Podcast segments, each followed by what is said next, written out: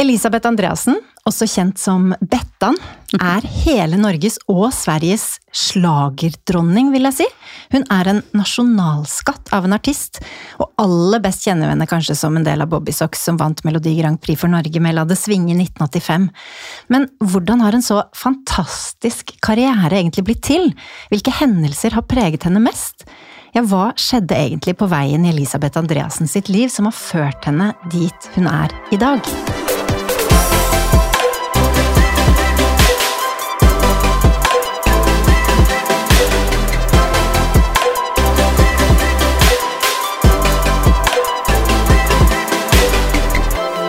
Velkommen, Elisabeth. Takk, det var da en flott introduksjon. Jo, bare hyggelig. Ja. Du, det er jo liksom et stort spørsmål og et langt liv etter hvert du har hatt. Dette er å, å oppsummere hva som har preget deg mest. Det er, et, det er et stort spørsmål som kommer hva, hva, hva var det som skjedde, men jeg, for å svare sånn enkelt med en gang, så var det jo drømmen min som har ført meg akkurat dit jeg er i dag. En, en sterk drøm, en jeg, Den var tydelig, jeg så det så tidlig hva jeg ville bli. Eh, Jeg ville bli eh, Når jeg var veldig liten, så var det filmstjerne. 'Mamma, jeg skal bli filmstjerne'. Ja. For da samler jeg på sånne filmstjernekort med bilder, sånne 50-talls, 60-tallsbilder. Det Hvem var det som var den store helten? Brigitte Bardot og Rita Hayworth og alle disse filmdamene som, som eh, også min mor likte, da, som jeg ble preget av. Mm.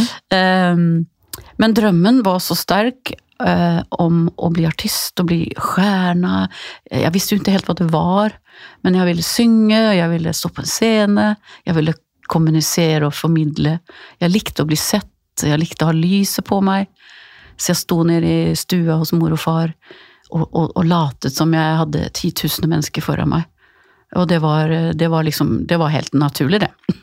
Men hvor fikk du det fra? Var foreldrene dine opptatt Ja, av musikk? Jo, mor, mor og far spilte jo både trekkspill og gitar, og vi sang lite grann, og det var alltid latter og musikk og sanger og musikk hjemme hos oss i, i huset vårt hele tiden. Det var det. Og det var gøy med musikk i skolen, jeg begynte å spille piano, jeg begynte å spille gitar. Og, så, så, så det har liksom alltid vært toner og musikk og sanger. Eh, Og jeg har sett på TV på alle disse musikalfilmene med Frank Sinatra og alle disse dansefilmene, og sen var det jo Grand Prix Ja. med alle de svenske artistene som Ted Gjerdestad, Ivar Dahlgren og alle disse som man satt og så på i uh, hele tiden, og bare drømte seg inn i at man skulle være der.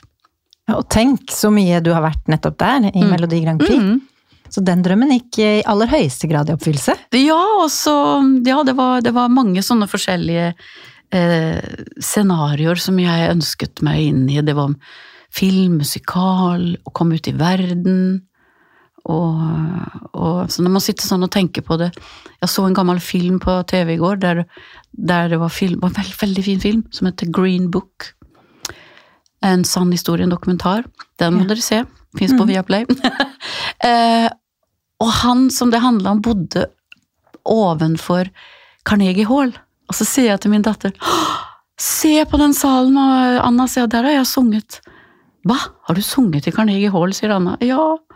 Og det er sånne ting som man har gjort som eh, også var sånne milepæler. Og Royal Albert Hall, til eksempel, som man også har sunget i. Det, det, ja.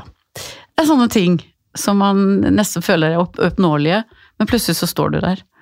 Er det mye av, fra din karriere som dine døtre ikke vet om, tror du?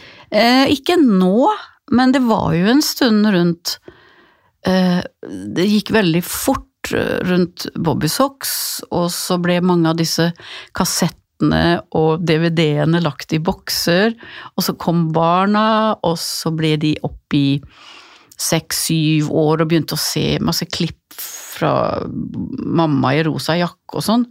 Hva er det, liksom, mamma? Jo, så bør jeg plukke fram disse DVD-ene og videoene fra kjelleren. Mm. Ja, men dere må se på dette, da, sier jeg. For det, mamma visste at de hadde vunnet Grand Prix på en måte en gang. Det var ikke det at de ikke var helt Men de hadde aldri sett det. Nei. Og så satte de seg ned og så disse DVD-ene, vet du, med hele historien, for det blir jo laget en dokumentar om han og meg i 5, 6, 86. Eh, når Grand Prix var i Bergen, da. når vi tok hele finalen til Norge. Så satt de seg og så på den og var helt stumme. Det var liksom Mamma! Herlighet! Dette var gøy å se! Og prøvde jakka og litt sånn plukka fram den og ja. Så det var gøy, og viste dem plate, for de visste jo ikke helt hva plater var for noe og sånn. Ja. Hvor opptatt er de av musikk? Veldig. Ja. Jeg elsker spillelistene deres. Mm. De har så god musikksmak. Og ikke nok med det, men de synger jo altså helt vidunderlig også. De Tror du noen av dem kommer til å velge Nei. artist som levebrød? Nei, ikke som levebrød. De har satsa på, på utdanning. Så Anna, min eldste, er sykepleier. Jobber som sykepleier nå. Og min yngste studerer og tar master i København. Skal bli ingeniør. Så de har liksom eh, tatt sine valg og gått den gode veien, og jeg er jo så stolt og så glad for det. For jeg føler liksom at de har sluppet taket, og jeg eh, er trygg på deres vegne, og jeg kjenner at de kommer til å klare seg godt i livet. De er kloke, og de tar gode valg. Så for første gangen i mitt liv så har jeg på en måte begynt og klart å tenke på meg selv litt. Mm. Ja. Ikke det litt deilig, da? Jo, det var veldig deilig, og det, jeg gjør det med god samvittighet fordi eh, de, de har sterke vinger å fly på. Mm, de har masse godt i ryggsekken sin. Og det er ganske fint. Fint å tenke på. Ja. Men du, i 1958, det begynner å bli en stund siden, Mm. da blir du født altså, Mm. i Gøteborg. Mm. Så flytter dere ut til en liten øy utenfor Gøteborg, Ja. og der vokser du opp. Ja, og når jeg ble født, så fikk mamma en eh, Så kom det inn en eh, på fødestuen til de som blir født den dagen. Jeg fikk en sånn gullamulett og 50 kroner på en bankboks. En bankebok. Ja. For hun sa det, du, du, er, du har født et lykkebarn, sier de. Og jeg bare Mamma fortalte det, det syns jeg var så rørende og fint. For sånn har livet mitt vært. Ja, du har på mange måter vært et lykkebarn. Ja, det har vært sånn hele tiden. Så, så det starta veldig sånn, da. Det høres ut som oppveksten din var veldig harmonisk, med mor og far som var forelsket, og dere Ja. bodde ute på denne lille Saltkråkan-øyen. Ja. Eh, mamma og pappa eh, har jo vært sammen siden, de, siden eh, mamma var født. Altså, de, eh, pappa så henne når hun lå og skrek i vogna. Og, så, så det har vært en fantastisk eh, tid og en veldig fin barndom. Og mamma og pappa har hatt sine utfordringer som alle andre, det er ikke det. Eh, men de har alltid holdt sammen, og de har alltid eh, Og det har jeg vært så imponert over. Eh, Så vi har hatt det veldig fint og veldig trygg, og vi bodde på denne øya. Og det var sykle til stranda og boller i kurven og jeg og et eh, energiknippe ut av Guds nåde som fant på alt mulig rart og eh, For det var jo Det var ikke så mye å gjøre på den øya, men jeg hadde jo aldri noe problem med det. Nei. Jeg starta banegymnastikk, og jeg spurte når jeg var elleve år om jeg kunne få jobbe i, i butikken, for jeg syntes den var så koselig. Det var sånn der Saltkråkan-butikk. Du handler over disk Mm. med alt mulig som fantes i den butikken. Fra, det var som et stort kjøpesenter i den lille butikken. Du kunne få alt mulig som du trengte til hjemmet ditt. Alt fra sytråd til eh, sånne eh, regnluer og hva heter det på norsk? Sånne der, Sydvester? Sydvest, ja. Ja. Og tresko, støvler, mat. Altså alt fant der. Tegneblokker, leker. Og der jobbet du.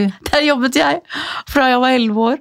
Var det fordi du måtte, eller fordi du ville? Nei, jeg syntes det så så gøy ut å jobbe i den butikken. Så jeg sa til hun gamle dama, det var en dame som drev den butikken i 80 år. Altså hun og hennes mor, da. Eh, Så sa hun, kan ikke jeg få jobbe her, det ser så himla rolig ut. Og, og, og, og hun bare jøss, ja ja, jeg kan trenge litt hjelp på lørdager, sa hun. Så jeg begynte på lørdager, og så ble det mer og mer. Så til slutt så jobbet jeg der også etter skolen og sånn. Og jeg elsker jo å romstere og rydde, så, så jeg liksom Det ble jo liksom eh, veldig, veldig mye nye ordninger bak i lageret og i butikken og på kjølerommet. Så jeg omorganiserte alt mulig, og hun syntes det var så gøy. For hun orket ikke det lenger, hun var så gammel. Så, så det var liksom Det var fantastisk gøy. Så du har alltid hatt det der liksom drivet Ja, ja. rundt å få Ja. til ting, da? Sette i gang prosjekter? Ja. Det, var- det syns jeg var gøy. Og, og så begynte jeg på høgstadiet, og da tok vi ferge til en annen øy, og gikk syvende, åttende og niende klasse der. Og da ble det at jeg begynte å spille gitar, og begynte med piano, og, og spille, og lagde kor, og fikk liksom holde på med det da, i syvende, åttende, niende klasse. Musikk. Mm. Du har laget et sånt lite utdrag av din karriere. Ja, Er du klar for å gå gjennom det? jeg er klar. Elisabeth Gunilla Bettan Andreassen er født 28. mars 1958. I 1985 vant hun den internasjonale Melodi Grand Prix-finalen med La det svinge sammen med Hanne Krogh. Sammenlagt har hun vunnet den svenske Melodifestivalen og norske Melodi Grand Prix fire ganger. Hun startet sin karriere da hun i 1978 kom på andreplass i Göteborgs tidningstalentkonkurranse Sjøstjernan. Siden ble hun oppdaget og ble etter hvert en del av bandet Chips, bestående av Kikki Danielsson og Bettan selv, og i 1981 konkurrerte de i Melodifestivalen for første gang. I 1982 vant Chips Melodifestivalen med sangen Da efter da, og endte på en åttendeplass i Eurovision Song Contest samme år. Hun har vært innom utallige sjangre i karrieren, og har annet spilt inn en countryplate i Nashville, Tennessee. I 1990 flyttet hun til Oslo, og i 92 var hun programleder for den norske Melodi Grand Prix-finalen. I 94 vant hun Melodi Grand Prix med låta Duett sammen med Jan Werner Danielsen, og kom på niendeplass, nei sjetteplass er det riktige, i den internasjonale finalen. De to sang også mye sammen videre i karrieren. I 96 vant hun igjen Melodi Grand Prix med sangen I evighet. Sangen er også spilt inn på svensk, engelsk og tysk. Hun har hatt store roller i musikaler som Phantom of the Opera, Sofies verden, Sweeney Todd og Chess, og sunget revy med komikergruppen Dizzie Tunes. I tillegg er hun en del av trioen Kikki, Bettan og Lotta, som har gjort stor suksess både i Grand Prix og på scenen. I 2004 turnerte hun i Sverige med en slagerturné med navnet Digilo, en turné som fortsatt i mange år har hatt stor suksess. Og platen hennes er blant Norges mest solgte. Som jeg nevnte, dette er bare en brøkdel. Det er så mye. Eh, Men kan ikke du ta oss litt tilbake til Var det 1980? Da gjennombruddet ditt var på trappene? Du hadde meldt deg på en countryfestival. Du ville selv stå på scenen der. Altså, jeg hadde ikke meldt meg på, jeg var bare i publikum. Var det sånn det var? Jeg skulle bare gå og se på. Ja. For jeg hadde akkurat flytta til Stockholm og jobba faktisk på sosialtjenesten. Eh, I ventan på å bli oppdaget. Sånn var det i mitt liv. Jeg ventet bare på å bli oppdaget. Så jeg søkte jo litt sånne ting da, hvor jeg kunne komme og se på, kanskje ja, treffe kontakter. Så jeg dro på denne countryfestivalen, eller ja, satt i publikum, og så hadde første akt gått, og det var dritkult. Alle de største svenske countrystjernene var der. Og jeg kjente bare sånn i pausen at herregud, jeg må jo bare bak scenen. Jeg må bare spørre om jeg får lov å være med. Jeg må spørre om jeg får lov å synge. Altså, jeg hadde en sånn utrolig følelse i kroppen og i hjertet. Ungefær som du tenker at du ser en filmscene med et at noen filmer med en drone ned mot publikum fra taket, så hadde jeg et lys på meg. Akkurat som noen bare sa 'nå er det din tur, kom igjen'. La, la, Du hadde ikke et faktisk lys på deg? Det var ikke noe spotlight, det var en Nei, det var bare en sånn følelse, nå hvis jeg skal beskrive det for folk, hvordan det. det føltes. Så jeg gikk bak scenen der, og så gikk jeg fram til en mann bak der, som sto der. Så sier jeg hei, hei, jeg heter Elisabeth Andreasson, og jeg er faktisk skitbra, kan ikke jeg få sjunga en låt med dere efteråt? Og han tittar på meg og sier Alltså du är så jävla fräck, sa han. Så du ska få lov att sjunga. Det här, jag vill höra sa han. Och det jag, han jag gick fram till var ju då selveste Lasse Holm. Sveriges okrönta konung, eh, slagermann slagerman som skrev både 'Fremling til Carola og Dag efter dag til Chips og alt det der. Så jeg gikk ut og sang eh, to låter med min kjæreste som ble med, da, og spilte gitar. Og det gikk jo veldig, veldig bra. Så han sier til meg når jeg kommer inn igjen, du, eh, du får komme til studio i morgen klokka ti, så skal jeg gjøre en demo med deg. Og jeg kommer der klokka ti dagen etter og pynter meg og kjempestressa og nervøs og Unnskyld. Og så eh, inn i studio, synger, og jeg ser at det rører seg masse folk inne i studio der. Eh, og at de holder et telefonrør opp mot høyttaleren mens jeg synger. Dette registrerer jeg bare mens jeg står der, som i en drøm. Eh, og så når jeg var ferdig, så bare hører jeg Lasse si ja, du kan komme inn, du har fått eh, platekontrakt. Og jeg bare eh, ja.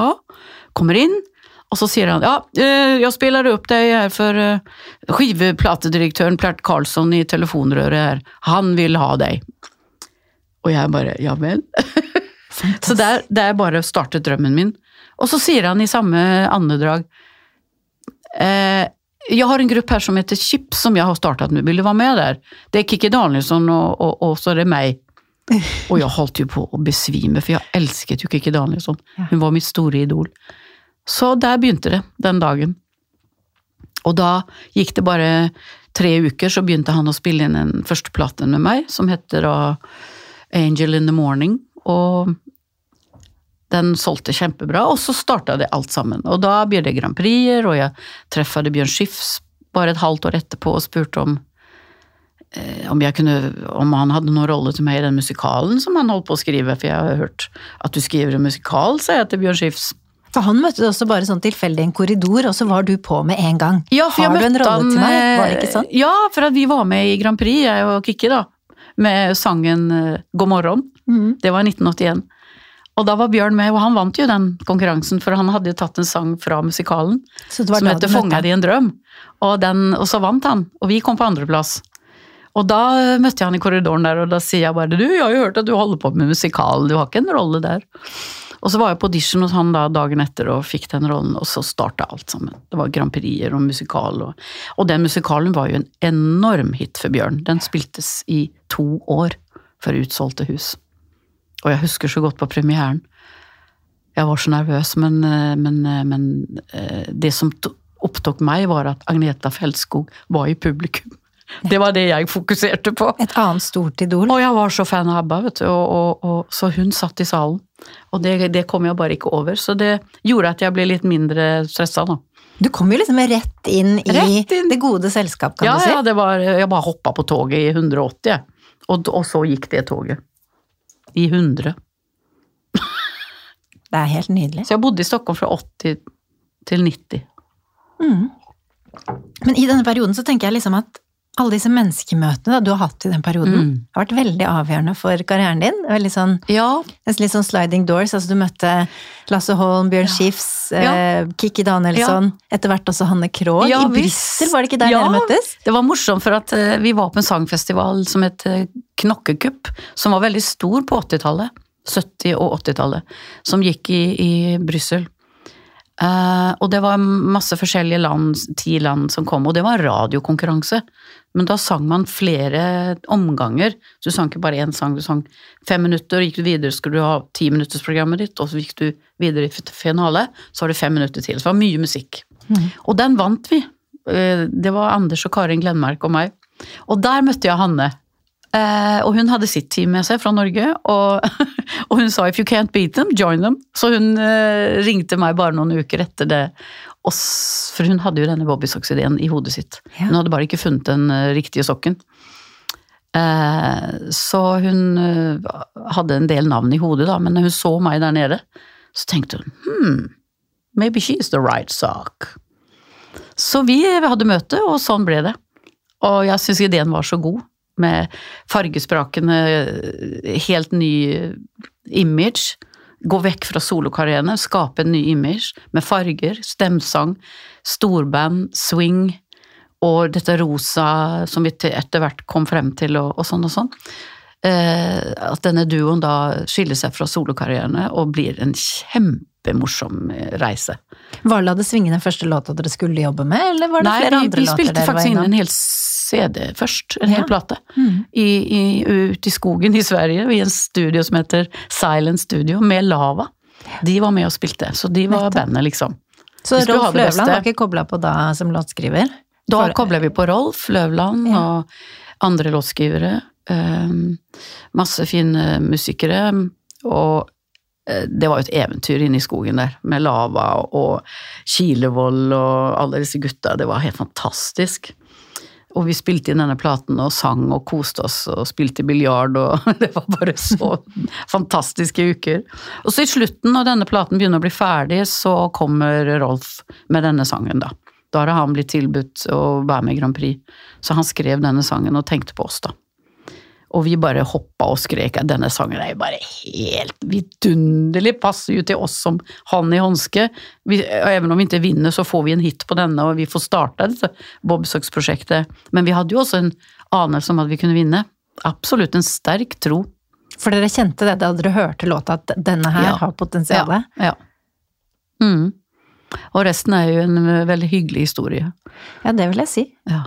Vi har jo hørt deg fortelle mange ganger, men jeg, altså jeg selv er jo sånn Det er et ikonisk øyeblikk, da, i norsk eh, musikk- og kulturhistorie. Og jeg selv var jo tre år da dere vant. Og jeg var altså Det er det første minnet jeg har, som ordentlig minne i livet. Nei, så gøy. Det er dette her, og jeg sto med paljettjakke, og jeg kunne hele teksten. Nei, så morsomt. Det var helt eh, Det er jo så svært. Ja, og så mange fine historier vi har hørt om akkurat Ja, det du sier. Ja, dere må ha hørt mye. Ah, så mange historier. Jeg kunne skrevet en liten bok som heter 'Kvelden jeg aldri fikk oppleve'. For at jeg fikk jo oppleve det, men alle de historiene da, som, om, om mennesker som har sett, og hvor de var, og, og hva de følte, og hvor gamle de var, og hvor de har satt seg i sjela deres denne kvelden, det er helt fantastisk. Det er en så fin sak å ha med seg i livet. Og og tenk at vi fikk vinne for Norge i min hjemby Göteborg. Det var også ganske spesielt. Det var veldig special. Fordi det er jo Vil du si at det er det største du har opplevd i karrieren? Ja, altså det er det største øyeblikket som har preget karrieren, ja, det kan jeg si. Og som også har lett frem til andre drømmer som man da kunne gjennomføre. Og dette med møten, det er det som er så viktig i min karriere. Alle de møtene Ja. med folk som jeg har fått vært med om.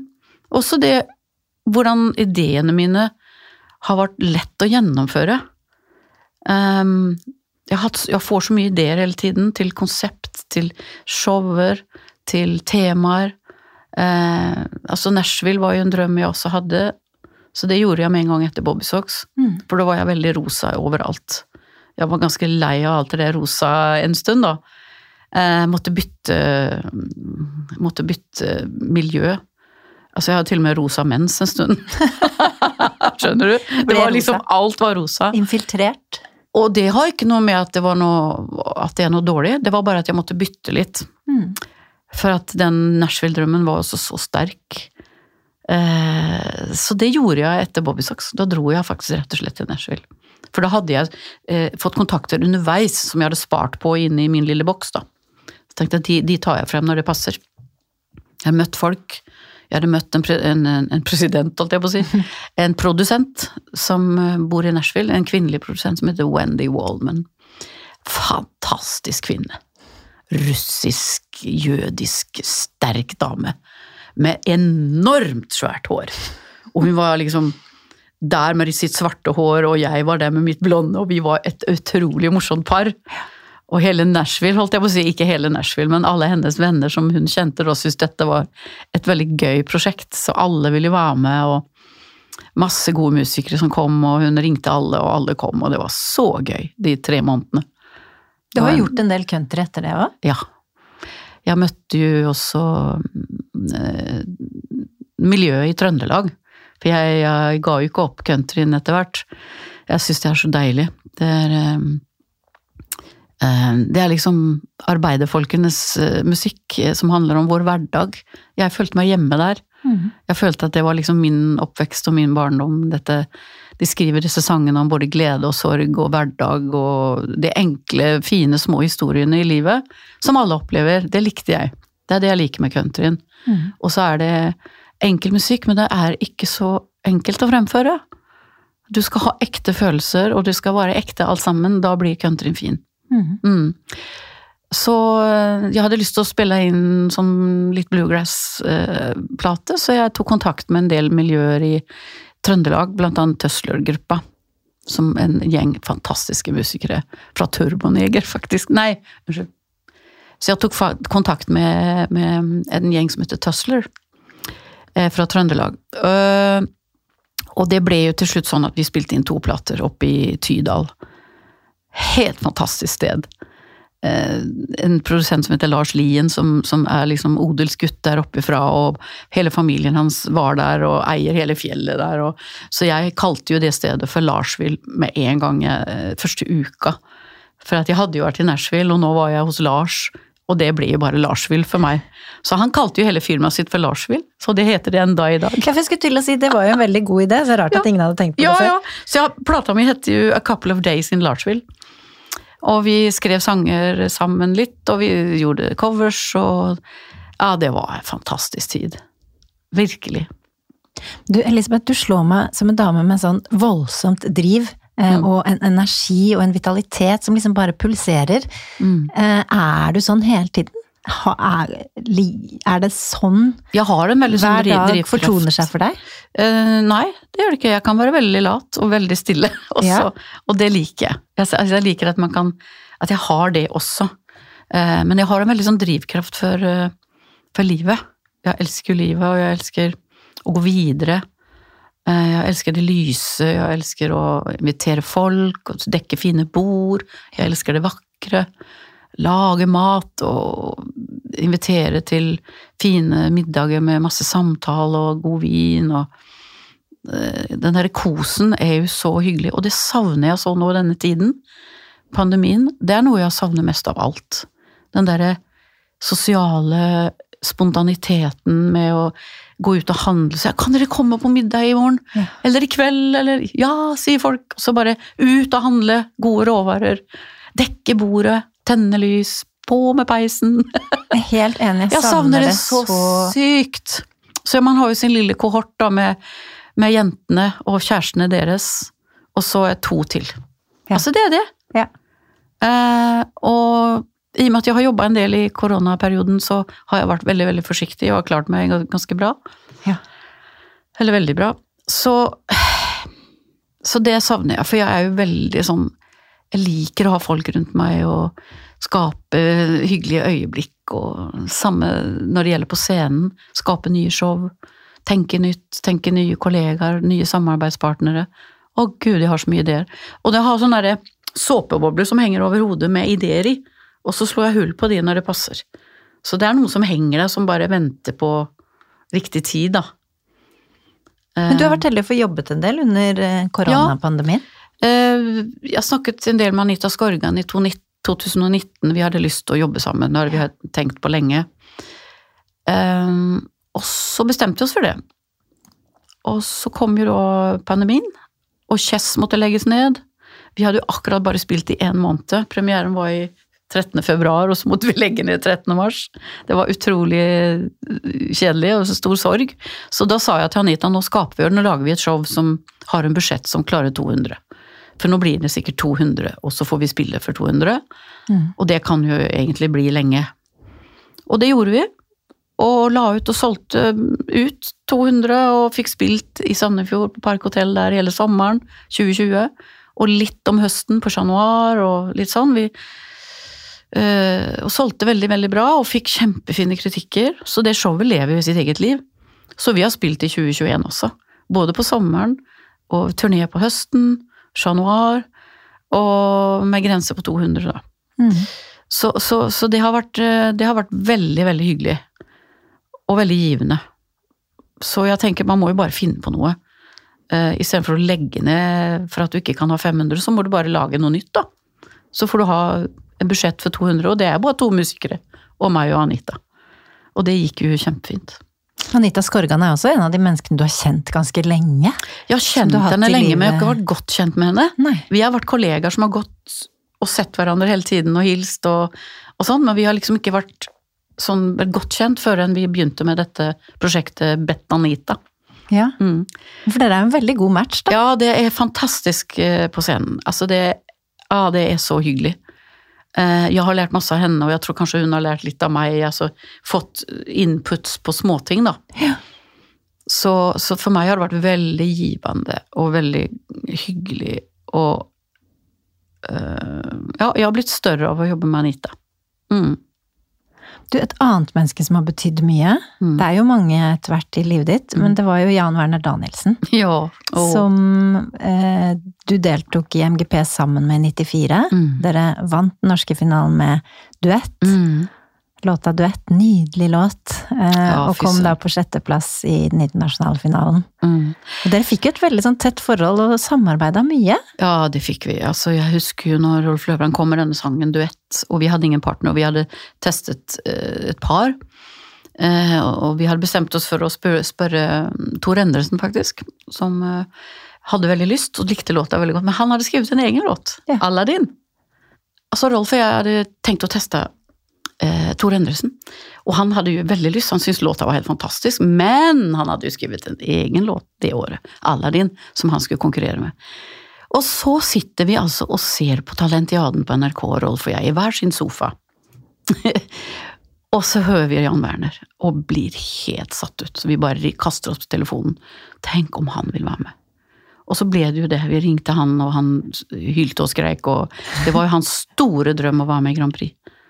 Og han elsket jo alle Grand Prix-artister og Bobby Socks og Bettan og alt. Altså, det var bare eh,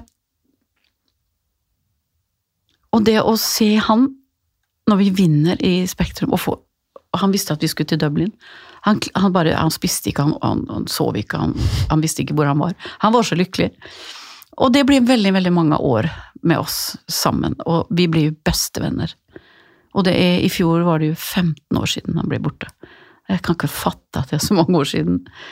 Jeg har han liksom i hjertet mitt fortsatt, og det var en av mine fineste musikalske opplevelser, den reisen vi gjorde. Det var helt fantastisk. Han døde altså i 2006? Seks, ja. ja.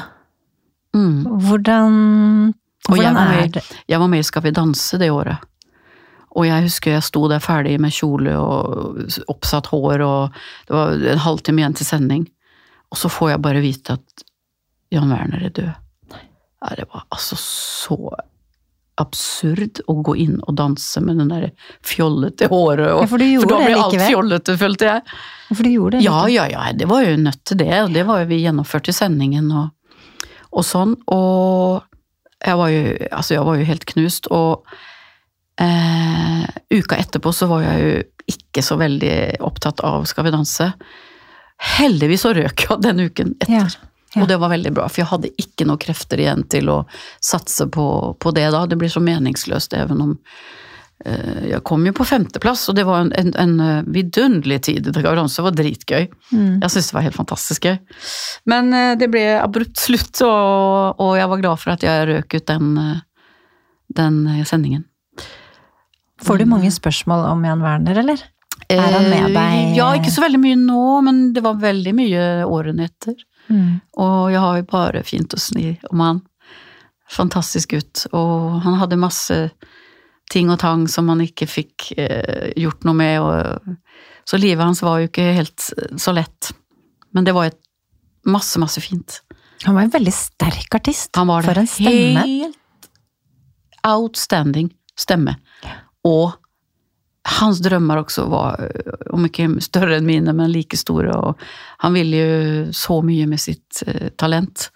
Og han kunne jo blitt verdensstjerne over natta, altså det var, om han hadde fått være her.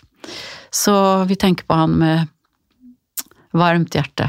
Mm, jeg har opplevd så mye fint med han. Og du gjør vel duett ganske ofte, gjør du ikke det? Ja, jeg synger den alene som en på en måte lite hyllest til han, da.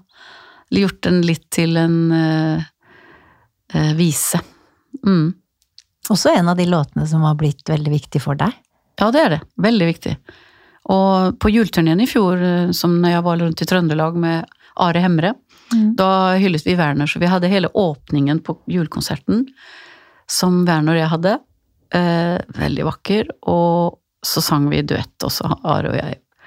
Eh, I og med at det var 15 år siden og sånn, så det, det var litt godt å få ha med han i tankene på hele turneen. Mm. Du, I senere tid så har du også opplevd en del eh, dødsfall i livet ditt. Det kan du si. Ja. Mm. Eh, vi vet jo at du mistet ektemannen din Thor Mm. i 2016. Mm. Og så, ikke så lenge etterpå, så mister du Ja, det gikk begge foreldrene dine. Ja, det var, eh, det var, det var noen Herregud, det var noen tøffe år også. og da du mistet det- også en niese på tragisk Ja, vis. det var for meg Det var um, Thor i 2016, da, og det var jo helt eh, forferdelige år.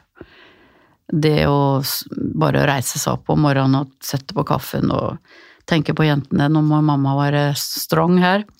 Jeg må være den som leder han og, og, og, og eh, får oss til å sørge på en grei måte og finne veien videre. Det var tøft, altså. Men eh, alle har gjort det før, og det går å komme seg gjennom det. Du har jo, vi har hørt deg fortelle om det før, er du glad for at det har vært så åpen om den sorgen som det har vært? Ja, det ble på en måte helt naturlig på grunn av den jeg er, og på grunn av kanskje fordi jeg jobber med det jeg gjør også. Man er vant til å stå foran eh, verden, og man er vant til å snakke om ting, og jeg har egentlig alltid vært åpen om ting eh, i mitt liv. Mm. Så, og så hjalp det jo også veldig å få den eh, trøsten fra publikum, fra venner, fra kollegaer, som kom som en sånn tsunami veltende over meg og jentene dagen etter det skjedde.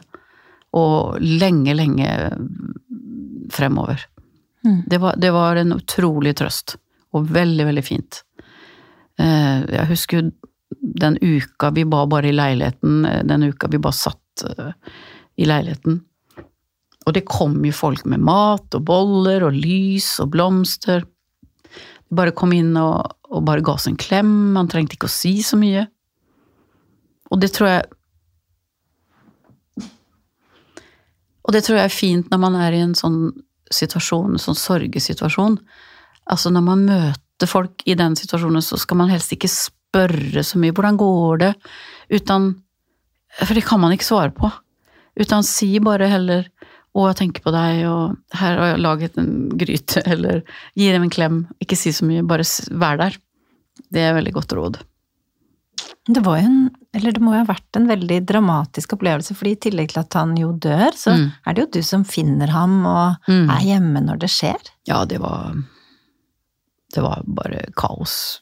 Det var Ja, det unner jeg ingen, men eh, man må jo bare gjøre det man skal, og man, man, bare, man bare blir eh, Hva skal man si praktisk Altså, du blir bare praktisk også, midt Mm. oppi dette sørgelige kaoset. Du er nødt til å løse Ja, du måtte, altså, måtte, måtte ja, ringe ambulanse, og du måtte det, og du måtte ringe familie og hans venner og mine, mine jenter som Nei, det var helt forferdelig å ringe de og, og fortelle, liksom. Og, men du gjør det, og så bare raser alt noen dager etterpå, når du bare kjenner hvor mye du har holdt deg oppe, og hvor mye praktisk med begravelse, og du skal ringe, og du skal bestemme, og ah, Herregud, så mye greier som du skal holde i. Men eh, heldigvis er man praktisk lagd, og du, du kan sortere greit Mm. eh, og, og gjøre det du skal. Eh, og så får du bare Og så hadde jeg det showet som vi skulle gjøre bare tre uker etterpå med Hanne i Tønsberg. Der var det masse praktiske ting og Ja, nei, og hele vår promotering av showet gikk jo i dass, for å si det sånn, for vi skulle jo i God morgen Norge dagen etter, og det ble jo ingenting, så det ble jo ingenting med noen ting. Men vi fikk jo likevel åh, Det var jo så mye media om dette, så det ble jo veldig kaotisk og veldig sårt. Um, men jeg var så glad for at jeg hadde den jobben å gå til etterpå. For det blir så stille etterpå. Etter begravelsen så blir det så stille. Mm. Da liksom bare sitter du der med sorgen og jentene og Ja, for hvordan har det vært i etterkant? For én ting er den støtt, massive støtten man får rett etterpå, Mm. men når første julen kommer, og så kommer plutselig andre julen og Ja. tredje julen, det det kjenner gått, man behov for støtte da, eller får Nei, det har gått man ganske bra. Vi hadde veldig god støtte i hverandre. Mm. Det hadde vi. Og så hadde jeg, jeg har alltid fått eh, gode tilbakemeldinger fra rundt, folk rundt oss. Vi har aldri følt oss alene. Og når jeg har hatt behov for å være alene, så har jeg gjort det også. Da har jeg gått, dratt ut til hytta og eh, For jeg følte liksom en tilnærming, en tilknytning til hytta, even om det skjedde der. Så har jeg hatt en veldig varm og eh, god tilknytning til det stedet. For jeg føler at det er vårt sted, da. Tor og mitt sted. Det var der vi var lykkelige, og da føler jeg at det vil jeg beholde, da. På en måte. Jeg syns det er litt vakkert. Ville ta det tilbake på Mm. et vis. Mm. Mange som sier 'herregud, kan du være der'? Ja. Ja, men gud, det har ikke jeg klart, og Men det, alle, alle er forskjellige. Jeg skjønner at noen kanskje ikke vil det, for de har sin agenda. Men min agenda var at det var vårt paradis, og der har vi opplevd så mye fint. Så det var jo en, en god sak for meg å tenke på alt det fine vi hadde hatt der. Så derfor var det godt å være der. Så der var jeg jo i to-tre år, sånn hvis jeg ville være alene, da. Eller med jentene.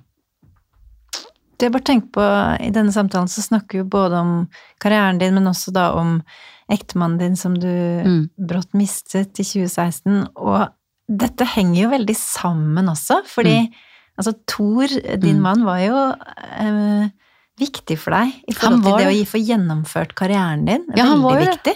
Han var jo hjemme med barna, har du fortalt meg, i Ja. elleve år. Ja, for at vi var jo litt sånn oppe i åra når vi møtte hverandre. Eh, Jeg var jo 34, og han var 42 når vi møttes. Og begge hadde lyst på barn og sånn og sånn, og så gifte vi oss etter to år, og så ble jeg gravid etter tre uker. Så kom jentene sånn etter hverandre. Og han hadde liksom jobba med Vært produktsjef på Tore og reist rundt hele verden i mange år og fått gjort alt det som man egentlig har lyst til. Så han var jo så klar for å bli pappa og, og bare å være det. Og så når vi fikk Nora, så ville de liksom at han skulle jobbe mer og reise mer på jobben. Nei, sa han, jeg har lyst til å ha et års pappafri, og det fikk han da. Men det ble elleve. så vi levde jo egentlig veldig luksusliv. Jeg er veldig stolt av det at jeg har kunnet hatt både karrieren og hverdagen med barn og et vanlig hverdagsliv samtidig. At det har gått hånd i hånd. Det er jeg veldig stolt av at vi har klart, da. Eh, Men det jo, for meg så har det vært luksus og at Thor var hjemme. Og for han òg. Han elsket hver eneste dag. Og jeg var jo ganske mye hjemme, jeg var jo ikke ute hele tiden. Og, men jeg var jo på turneer, og, og før ungene begynte på skolen og sånn, så var jo de med meg på turer, så vi har jo vært på alle museer og akvarier og alt mulig rundt om i hele Norge. Fantastisk tid å se tilbake på. Ja, det var en vidunderlig tid, altså. Virkelig. Så pappaledighet er, eh, det er fantastisk. Så, så han følte jo liksom at nå fikk han bruke sine beste år på jentene. Og det merker jeg jo på jentene også, at de nå de, er, de har veldig mye fine minner. Og de har veldig mye fine minner av pappa og Tor. Så det var luksus. Det anbefaler jeg, men det er ikke alle som kan ha det sånn. Det vet jeg jo. Du har jo snakket en del om at uh, dette med at jentene dine mistet sin far, Mm. er noe av det vanskeligste med dette, dette tapet, da.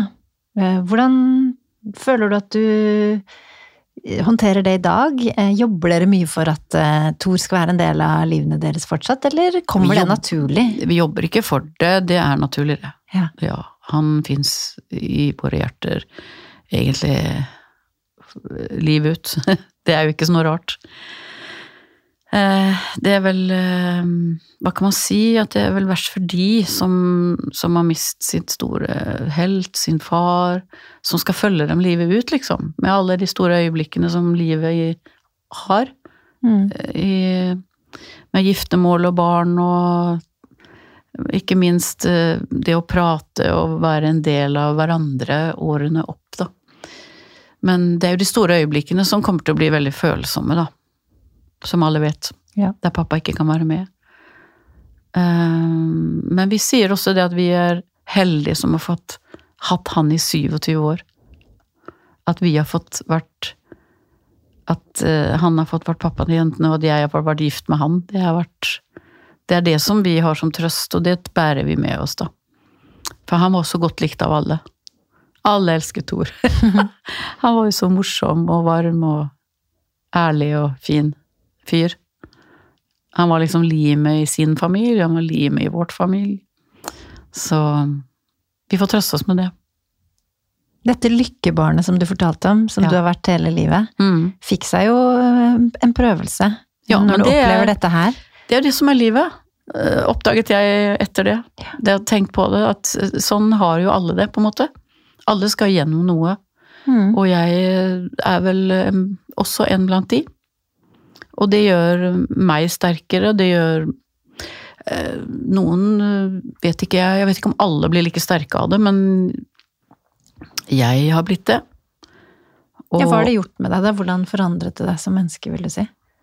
Tar jo vare på alle små øyeblikk, og jeg kjenner at jeg har blitt en slags annen person på scenen også. Jeg har et liksom mer tilstedeværelse i alt jeg gjør, føler jeg.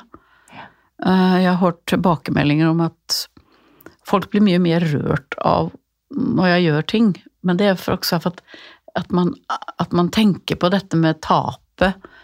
Man tenker på hva jeg har vært igjennom, og så tenker de på sine tap og sine erfaringer med sitt, sine liv. Så blir det på en måte mer meningsfullt, det repertoaret man velger, og det man velger å si, og det man velger å gjøre. Mm. Og det kjennes egentlig ganske fint. Og um, Ja, og så er jo livet så vakkert. Livet går videre. Det gjør det. Ja. Og det har jeg egentlig lett for å se. Jeg ser veldig mange muligheter fremover hele tiden. Even om det var mørkt noen år, så trengte jeg de årene til bare stoppe opp litt og bare kjenne på meg selv og bare tenke på, på han og oss.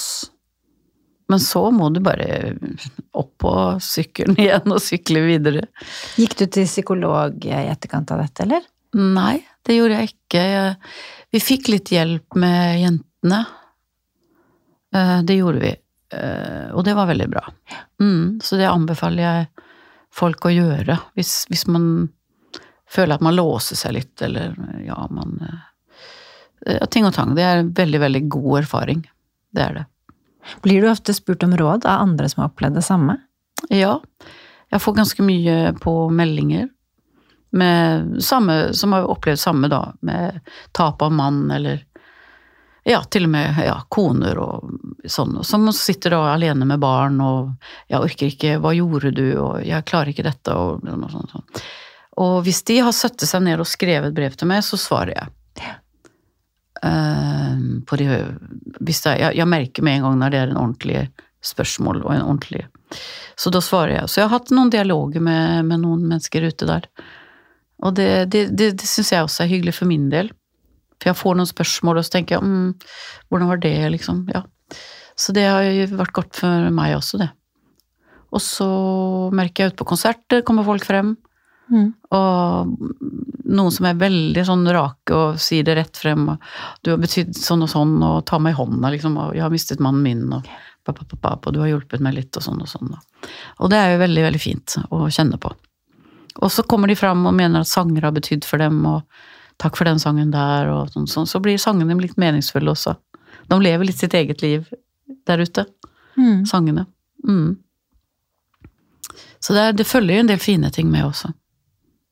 Det må jo være givende å føle at man Ja, altså, har betydd så mye på mange måter for folk, da. Ja, kommunikasjon er jo veldig, veldig godt. Når du kjenner at det treffer, at du kommuniserer. Det, gjelder, det er godt for meg òg, det. Mm. Det går begge veier. Mm. Og jeg har kort vei til hjertet mitt. Så man har jo ofte svar på alt.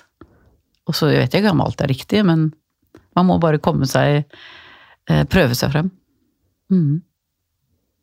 Du, gjennom livet og karrieren din, hva vil du si du er mest stolt av? Uh, ja, det er vel at jeg har hatt familie og karriere hånd i hånd, som jeg sa, men også det at man har beholdt eh, det innerste i meg selv hele tiden. Jeg har liksom ikke blitt så forandret. Jeg føler jeg er helt lik som da jeg var 16, som jeg er nå. Eh, Det er ingenting som påvirker meg i retninger jeg ikke vil gå. Altså at man har kraft til å si nei, og, og vurdere en del eh, både flotte og rare spørsmål. Nei, det passer ikke meg. Det, det, det er ikke bra for min karriere. Nei, det har jeg ikke lyst til. Og så kommer det da Ja, gud, så gøy! Det vil jeg gjøre. Altså, at man har den derre respekten for seg selv. Det syns jeg er viktig, for alle må tenke gjennom det. At man ikke sier ja til alt, og gjør alt. Even om noen uh, tror at jeg sier ja til alt, så gjør jeg virkelig ikke det. Ja, men jeg har jo blitt spurt om Kjendisfarmen hver eneste gang, men det passer ikke meg. For jeg vil Jeg liker programmet. Syns det er kjempegøy å se både Kjendisfarmen og Vanlig Farmen. For jeg syns at det har blitt en sånn Det har vridd seg litt til å bli en, et ganske greit program. Men de prøver i hvert fall å få inn noen verdier der som er fine. Even om jeg vet at det jobbes i, underkant, at det ikke skal være det. Men, eh, men det passer ikke meg. Jeg vil ikke bli Farmen-Bettan. Hver gang vi møtes derimot, hva er mer noe for deg? Det er fint. Ja. Der får vi nemlig være den vi er, og vi får tid å fortelle historier, og vi får lov å musisere, og vi får lov å utfordre hverandre med musikk og tekster og ideer. Eh, Og så er det veldig, veldig rørende, for alle har en historie Ja. som tåler å høres på, på grunn av at det påvirker andre til å strekke seg lengre. Egentlig ganske unikt, det programmet. Ja, det er det. Det er veldig, veldig fint. Mm. Mm. Det å få andre til å strekke seg, det syns jeg er viktig. Det er veldig deilig når man er en kjent menneske. At man kan få andre til å finne små nye veier med seg selv og strekke seg fordi de blir inspirert. Vi snakket litt om tolkningen Petter Katastrofe hadde av La det svinge innledningsvis før vi satte i gang podkasten. Mm. Alt kan skje. ja. Det må ha vært litt overraskende da han kom med den versjonen. Ja, det var det. La Jeg- swinge, la det rock'n'roll. Ja. Det handlet jo ikke om uh, å danse swing, akkurat. Det handlet jo om swingerspar fra Drammen. Så jeg fikk litt sånn Donald sikksakk-munn, og var veldig sånn Hva syns jeg om dette? Eh, innerst inne så tenkte jeg jo ikke på meg selv først. Jeg tenkte jo på Hanne og Rolf Løvland. Det var derfor jeg fikk litt sikksakk-munn. Men innerst inne så lo jeg jo veldig godt selv, da. Men jeg er jo ikke alene om den låta, det er jo ikke bare min. Så jeg følte litt sånn eh, ansvar. Hjelp, hva sier de? Men det gikk jo bra, da. Ganske tøft eh, gjort av ham, da. Det er det, han er jo helt vill. Men så er han jo så god også. Han er jo flink. Det er en, alle de gutta der, vet du, med Tix og Petter Katastrofe og Staysman, altså, de har så store, fine, varme hjerter. Og det er historie bak hver eneste sang de gjør. De er jo litt undervurdert, mange av dem Mange er jo skolerte og Ja, og Derfor er det så fint at de er med i Hver gang vi møtes. Ja. Som både Tix og Staysman og Petter. Mm. De har gjort fantastiske figurer i, i og fått vist seg frem, da. Og så er de jo smågale da innimellom, og det, det får vi ta. Det syns jeg er gøy. Det piffer opp. Det er absolutt teft for hitlåter. ja, Og det har du også, for å si det sånn. Eh, eksempel en trio som Kikki, Bettan, Lotta, som har vært helt fantastisk suksess, det også. Mm. Blir det mer av det, eller? Mm, Jeg har prata med Lotta her om dagen, faktisk. Ganske lenge. Eh, og, og hvis det blir eksempel at vi får forespørsler eh, for sånn gale TV-programmer og sånn, der vi kan være i en kveld, så hadde vi gjort det. Ja. Det er veldig gøy. Eh, men noen sånn større show, det vet jeg ikke om det blir. Men det, man vet jo aldri heller. Men Lotte og jeg er jo bestevenninner. Ja. Har vært i mange år. Spesielt siden Kikki-Bettan Lotta, da. Så vi er jo veldig nære, og etter at jeg mistet Thor, og hun gikk gjennom en veldig vanskelig skilsmisse eh, Vi gjorde dette samtidig, da. 2016-2017. Så da dro vi til eh, Florida på ferie etter eh, jul. Og bare fikk gråte og le og kose oss og sykle rundt i og spise godt og prate, prate, prate. Det var så fin ferie. Og da husker jeg at eh, eh, denne joikeprogrammet, når jeg skrev denne joiken til Thor, gikk jo Moite Mui. Ja, moite mui. Um, Det gikk på NRK. gikk på NRK uh, når jeg var der borte, og jeg fikk så mye meldinger inn på Messenger den kvelden og den uka. Og vi to, vet du, vi gråt, og vi lo, og vi pratet om bare Ja, det var, det var, det var en fin tid, og jeg trengte henne da, og hun trengte meg, så det var veldig fint. Det var jo spe veldig spesielt dette med Moite moi-programmet som eh, Ja. ble spilt inn bare noen uker før Ja. Thor døde. Og du Mm. hadde da valgt å, Joike å han. ja. joike en joik til ære for Thor, Mm. og han satt i salen. Ja, det var sterke saker. Det var så fint, og det var, det ble, det var, en, det var en eh, spesiell prosess, det der å eh, Med min mentor. Fikk, vi fikk jo hver sin mentor. eh, Sara Marielle Biasca Gaup. Fantastisk dame og artist. Som reiser rundt hele verden og synger og prater om samene og kulturen deres og ja. Hun er bare helt enestående. Så hun bare sa hva jeg skulle gjøre, og det var ikke det letteste. Altså, selve teknikken å joike var ikke det vanskeligste. Det var jo det der å finne eh, rota i kjærligheten til hva, hva er det du mener om Thor? Hvor finner du tonen om han i ditt hjerte. Og jeg følte liksom at han var den trygge i vårt liv til meg og Anna Nora som Nesten som en sånn ørn, altså en rovfugl som fløy med vingene sine voktende over oss, da. Så derfor kalte jeg joiken for vinger. Og på samisk blir det sågitt. Og så um, sitter han der og vet ikke at han skal få joiken og, eh, i direkte, nei, innspillingen, da. Og så ble han jo veldig, veldig stolt, og det var et veldig fint og rørende øyeblikk. Men så går det jo bare fire uker, og så går han bort, og så tenker jeg er det hva er mening med dette? Åh. Jeg er så glad jeg har den joiken i dag. Jeg synger den ganske ofte. Mm. Gjør du det? Hjemme? Nei, på konserter. Ja. Mm, og forteller litt historien om det og han og Det er ganske stille i salen, da. mm. Jeg husker jeg så det programmet. Det var jo et fantastisk øyeblikk. Mm. Det er et godt minne. Det er et av mine fineste TV-minner, må jeg si. Mm.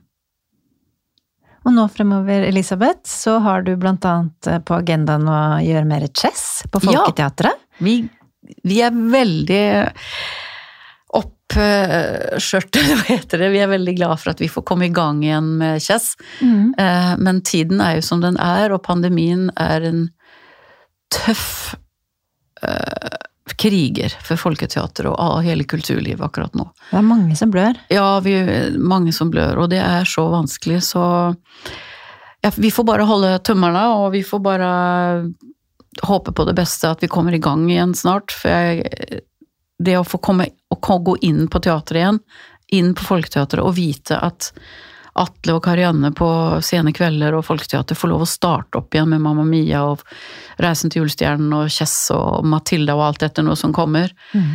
Vi må bare få starte opp igjen, for ellers så blir det ingen mer teater. Altså, hva skjer? Vet du hvordan det går med dem nå, eller? Det er tøffe tider, ja. Men eh, vi skal i gang. Det er sånn det er.